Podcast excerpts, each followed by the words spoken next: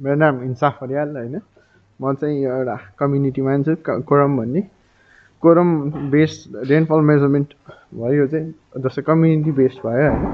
हामी सबजना अब गभर्मेन्ट स्कुलदेखि लिएर होइन स्कुलहरू अनि त्यसपछि ठाउँ ठाउँमा मान्छेको घर घरमा हामीले रेन गजहरू राखेका छौँ। अनि त्यसपछि यो रेन चाहिँ स्कुलहरूमा राखेपछि यसको फाइदा चाहिँ के भयो भने अब बच्चाहरूले मिनिमम क्लास वानको बच्चादेखिले जस्तो टेनसम्मकोले सबले अब इन्स्ट्रुमेन्ट त देख्यो नि अनि त्यसपछि त्यो कसरी मेजर गर्ने कति पानी पऱ्यो जस्तो काठमाडौँमा पानी परेको हुन्छ एयरपोर्टमा यति परेको हुन्छ उसको ठाउँमा एयरपोर्टमा पानी पऱ्यो तर बालजुमा पानी पऱ्यो भने पानी नै परेको छैन भन्ने।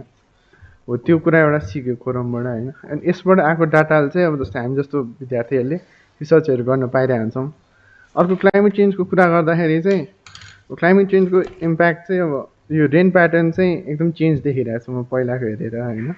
नम्बर अफ रेनफल डेज एकदम इन्क्रिज भइरहेछ। एक्सट्रिम इभेन्टहरू होइन?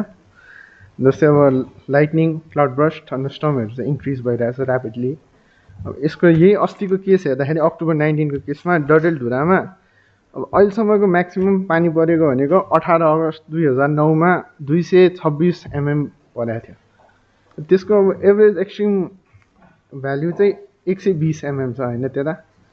त्यसपछि अब यो अहिले अक्टोबर सिजनमा चाहिँ म्याक्सि मिनि एभरेज मिन चाहिँ एक्सट्रिमको फिफ्टी एमएम थियो त यो वर्ष दुई सय दस छ किनभने अहिलेसम्मको हाइएस्टै अब मनसुनमा दुई सय छब्बिस छ तर यो वर्ष दुई सय दस छ नि अब यो कारण यो त धेरै छ नि त हुनुपर्ने भन्दा।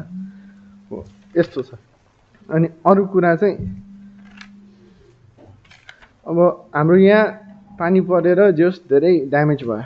अब यही कुरा यो मेन पानी त उत्तराखण्डमा पाँच सय पैँतिस एमएम परेको छ पाँच सय पैँतिस एमएम परेको छ तर त्यहाँ केही पनि ड्यामेज भएको छैन। किनभने त्यता इन्फ्रास्ट्रक्चर प्लानिङ पहिले बाटो कहाँ बनाउने कहाँ बालुवा झिक्ने सबै प्रिप्लान गरेर मात्र गरिरहेको छ।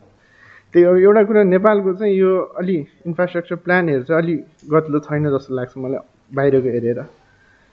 यो जस्तो लाग्छ। अनि अर्को कुरा चाहिँ हाम्रो बिन्दु सरले अघि भन्नुभएको थियो बाहिरतिर चाहिँ कार्बन इमिसन गरेर प्राइसिङ गर्नुपर्छ भनेर। नेपालमा नि अब हामीले जस्तै गाडीहरू चढ्ने मान्छेहरूले एउटा हरियो स्टिकर भनेर थाहा छ नि सबैजनालाई। त्यो हरियो स्टिकरमा आफै हरियो स्टिकरको लाइनमा बसिरहेको थिएँ म। अगाडिको बसले त्यो अब टेस्ट फेल खायो।